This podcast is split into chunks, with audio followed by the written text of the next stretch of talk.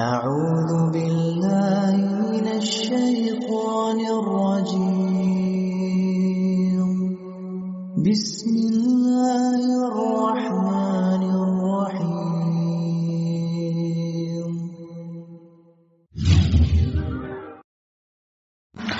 السلام عليكم ورحمة الله وبركاته. إن الحمد لله نحمده ونستعينه ونستغفره ونعوذ بالله من شرور أنفسنا ومن سيئات أعمالنا.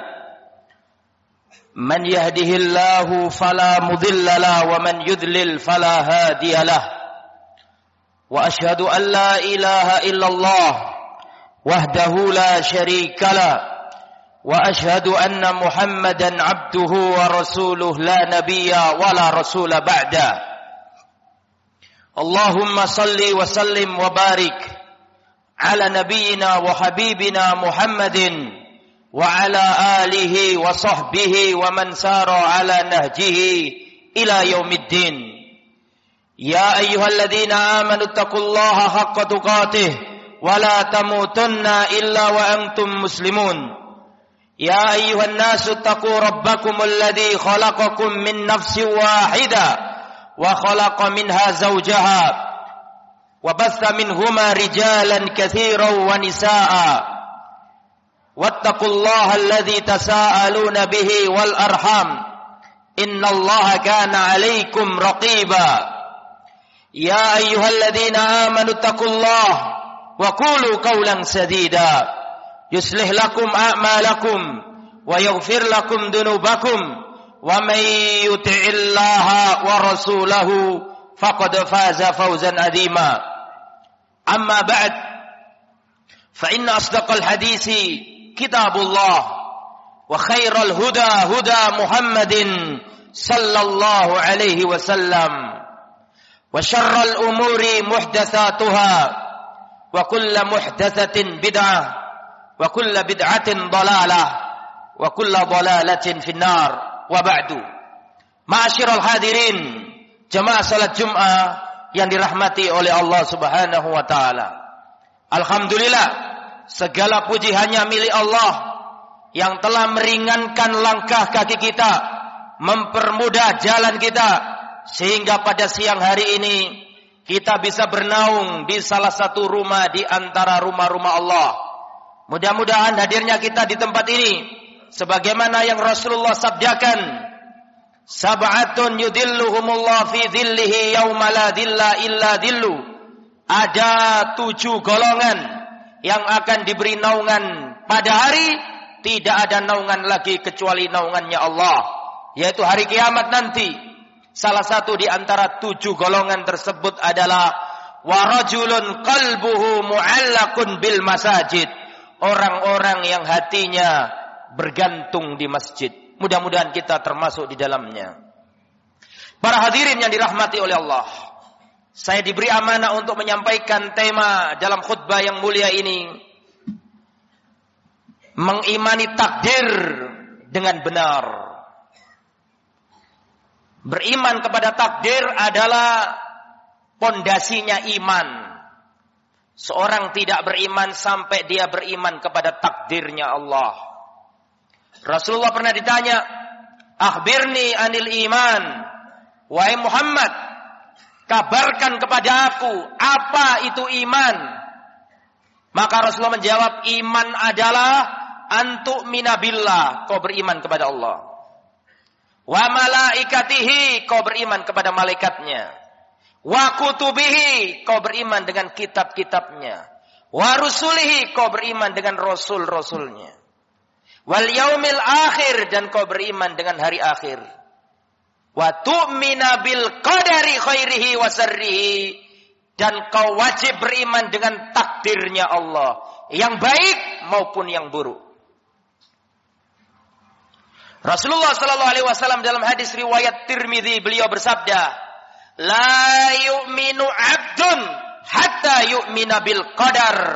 Tidak akan beriman seorang hamba sampai dia iman dengan takdirnya Allah, khairihi wa sarrihi, yang baik maupun yang buruk. Hatta ya'lam annama asabahu lam yakun liyukhti'ahu. Sampai dia tahu apa yang Allah takdirkan menimpanya tidak akan bakal meleset dari dirinya. Wa ma lam yakun liyusibahu dan sampai dia tahu bahwa apa yang Allah takdirkan meleset dari dirinya tidak akan bakal menimpanya. Rufiatil aklam, pena-pena takdir sudah diangkat. Wajaffatis suhuf dan catatan-catatan takdir sudah mengering, tidak bisa dihapus. Wajib kita beriman kepada takdirnya Allah. Rasulullah sallallahu alaihi wasallam mengatakan, "Majusu hadil umma al-qadariyah." Majusinya umat ini adalah orang-orang yang ingkar takdir. Wa in matu wa in maridu la ta'uduhum. Kalau mereka sakit, jangan kau jenguk.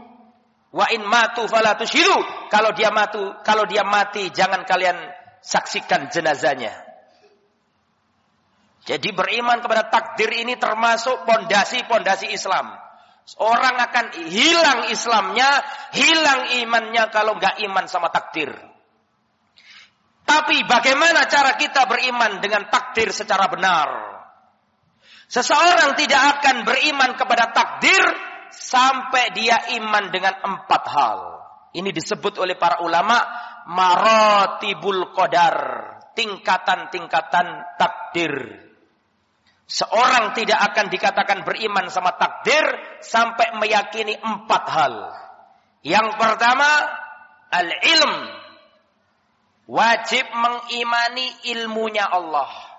Bahwa semua yang terjadi di jagat raya ini tidak ada yang keluar dari ilmunya Allah. Itu tingkatan pertama.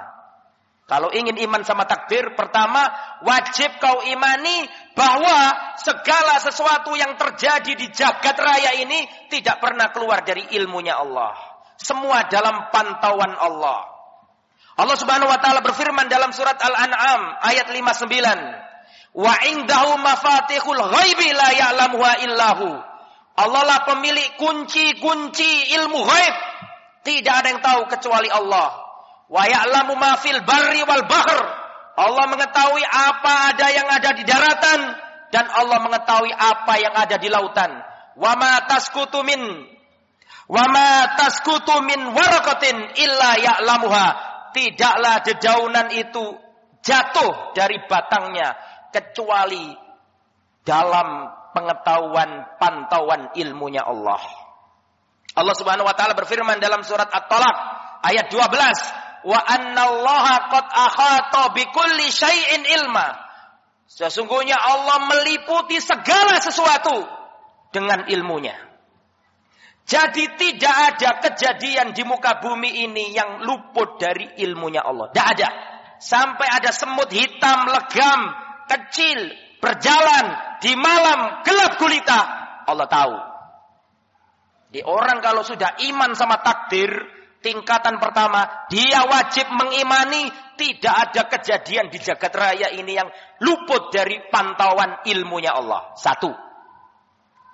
Yang kedua, wajib mengimani bahwa segala sesuatu yang terjadi di jagat raya ini sudah di Alkitabah, sudah dicatat oleh Allah.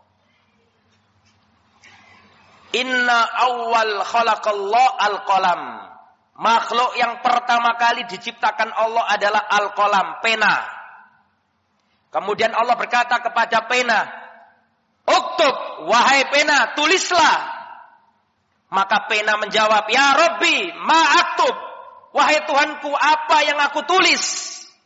Maka Allah firmankan kepada al-qalam pena, Uktub maqadir kulla syai' hatta taqumas sa'ah tulislah takdir segala sesuatu sampai hari kiamat.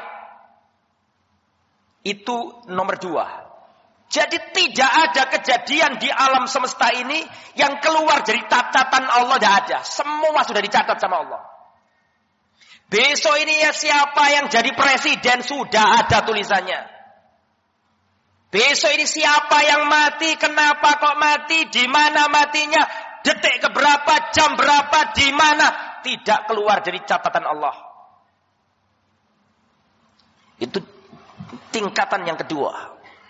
Allah Subhanahu wa Rasulullah sallallahu alaihi wasallam mengatakan, "Kataballahu maqadir kulla syai'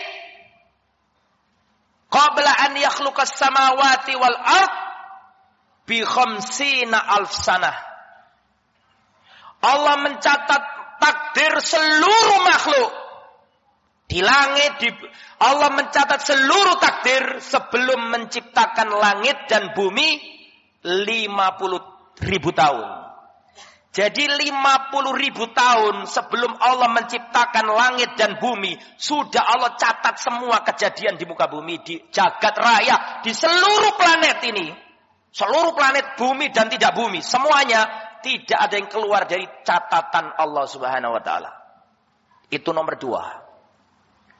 Yang pertama wajib mengimani bahwa semua ini atas ilmunya Allah. Yang kedua, wajib mengimani bahwa segala sesuatu tidak keluar dari catatan Allah. Yang ketiga, al-masyiah, wajib meyakini tidak ada sesuatu yang terjadi di muka bumi di jagat raya ini kecuali berdasarkan masyiatillah, kehendak Allah. Jadi yang nomor tiga adalah mengimani kehendak Allah. Meskipun seluruh dunia menghendaki A, kalau Allah berkehendak B, tetap yang kena yang B. Seandainya seluruh jagat raya ini bersatu padu ingin menjadikan B, kalau Allah menjadikan A yang jadi A. Kehendak. Wa ma tasyauna illa ayyasha Allah. Semuanya kalian berkehendak, tapi kehendaknya Allah yang terjadi. Itu yang nomor berapa? Tiga. Yang nomor empat adalah al-khalq. Bahwa semuanya ini Al-khalaq diciptakan Allah. Inna khalaqna kulla syai'in biqadar.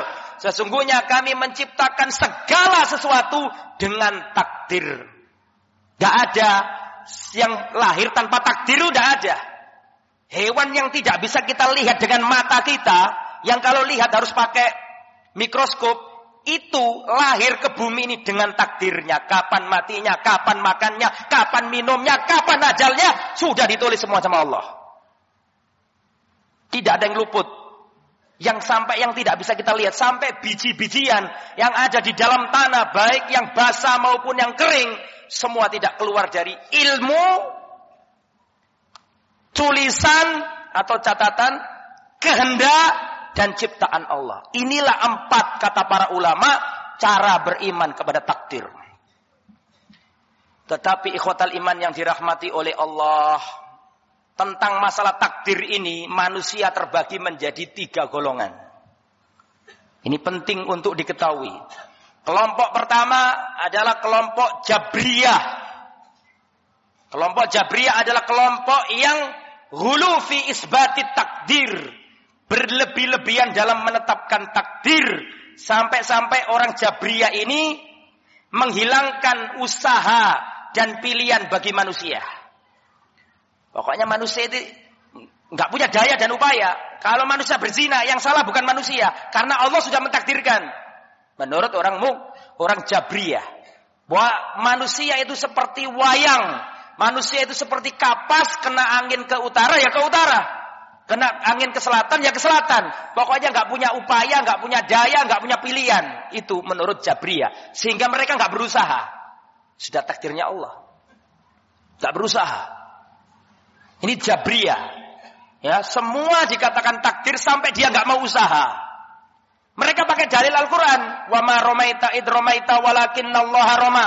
Ketika engkau melempar wahai Muhammad, bukan kamu yang melempar, tapi Allah lah yang melempar. Menurut orang Jabriyah berarti ini opo jari Allah. Wis menungso gak sapa apa wis menengai. Nek menungso ini zino, sing salah Allah soalin takdirno aku zino. Ini ini pendapat Jabriyah ini bahaya ini pendapat ini. Yang kedua pendapat Qadariyah. Kebalikannya ingkar takdir. Kamu mau jadi dokter, mau jadi tentara, kamu mau jadi pengusaha, gak ada urusan sama Allah. Terserah kamu. Yang penting kamu lahir dikasih akal, dikasih pikiran oleh Allah terserah. Mau mati kafir, mau mati muslim, mau jadi presiden, mau jadi rakyat jelata, mau jadi pengusaha, mau jadi petani terserah. Allah nggak ikut-ikutan. Nggak ada takdir. Ini pemikiran Qadariyah. Pakai dalil juga. Ya. Inna Allah la yughayyiru ma biqaumin hatta yughayyiru ma bi anfusihim. Allah tidak mengubah nasib suatu kaum sampai kaum itu merubah nasibnya sendiri. Inilah ahlul bid'ah. Mencomot ayat, meninggalkan ayat, mencomot ayat, meninggalkan ayat. Yang benar ahlus sunnah wal jamaah. Ahlus sunnah wal jamaah dalam memahami takdir, menetapkan bahwa hamba ini punya upaya, menetapkan bahwa Allah hamba ini punya pilihan, tetapi itu semuanya yang menentukan adalah tetap Allah Subhanahu wa taala. Tetapi bukan berarti kita itu meninggalkan amal. Ya, bukan meninggalkan amal. Ini sudah pernah ditanyakan oleh sahabat. Ya Rasulullah, sudah ada ditentukan, ditulis fulan masuk surga, fulan masuk neraka. Allah Subhanahu wa taala sekarang ini dan dari dahulu sekarang kapan pun Allah tahu siapa yang bakal masuk surga, siapa masuk neraka. Sudah Allah catat. Fulan surga, fulan neraka, fulan surga, fulan neraka. Sudah ada catatannya. Maka para sahabat bertanya, "Ya Rasulullah, kalau gitu ngapain kita beramal?" Wong ujung-ujungnya ya seperti yang ada dalam kitab itu. Ngapain kita beramal? Jadi sudah ditanyakan oleh sahabat. Kata Rasulullah, "La, I'malu kullun muyassarun lima khuliqalau. Beramallah, jangan kalian tawakul sudah bersandar sudah ikut-ikutan kalau surga ya surga nanti tergantung tulisan. Tidak, harus berusaha. Terus Nabi berdalil dengan ayat Al-Qur'an, fa amma man a'ta wattaqa wa saddaqa bil husna fasanuyassiruhu lil yusra. Barang siapa yang berinfak, bertakwa, mempercayai, mengimani surga, Allah mudahkan jalannya menuju surga. Berarti di sini ada sebab akibat. Kalau kamu baik, Allah tuntun baik.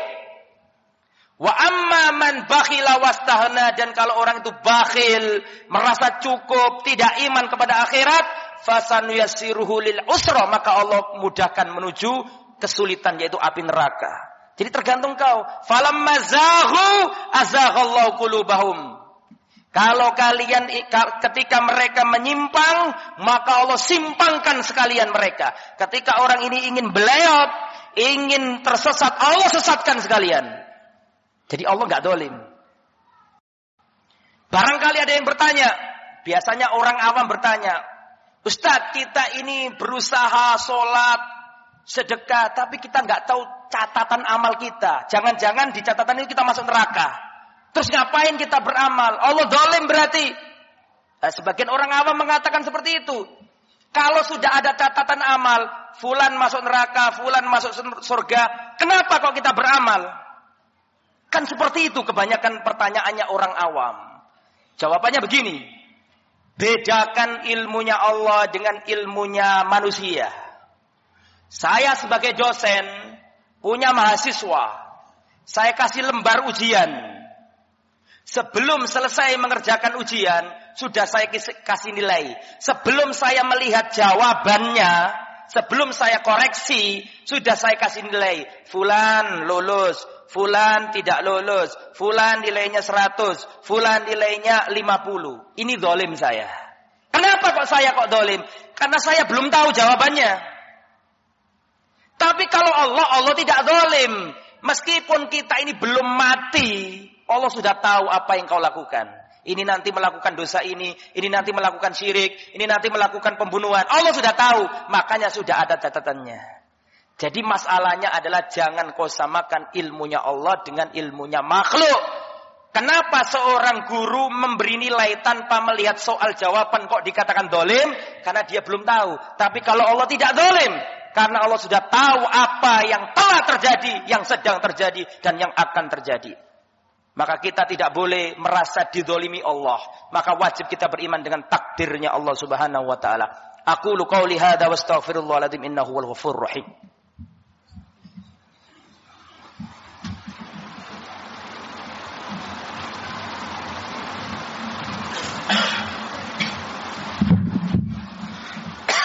Alhamdulillah wassalatu wassalamu ala Rasulillah wa ala alihi wa sahbihi wa man wala wa la haula wa la quwata illa billah amma ba'd kaum muslimin yang dirahmati oleh Allah. Beriman kepada takdir itu bukan berarti kita menghilangkan tawakal dan ikhtiar. Karena definisi dari tawakal adalah al-i'timad ala Allah. Bersandar kepada Allah li husulil matlub untuk menggapai apa yang kita inginkan au daf'il makru atau menolak apa yang membahayakan? Ma'athiqqa billah dengan percaya sama Allah bifi'lil ma'zun fiha disertai dengan melakukan ikhtiar yang dibolehkan. Jadi bukan berarti kemudian kita nggak usah beriman sama takdir. Eh, karena kita nggak boleh kita karena saya beriman sama takdir sudah saya nggak berusaha. Nggak boleh. Karena kata Rasulullah I'malu kullun muyassarun lima khuliqolahu. Jadi tetap kita harus selalu berbuat baik.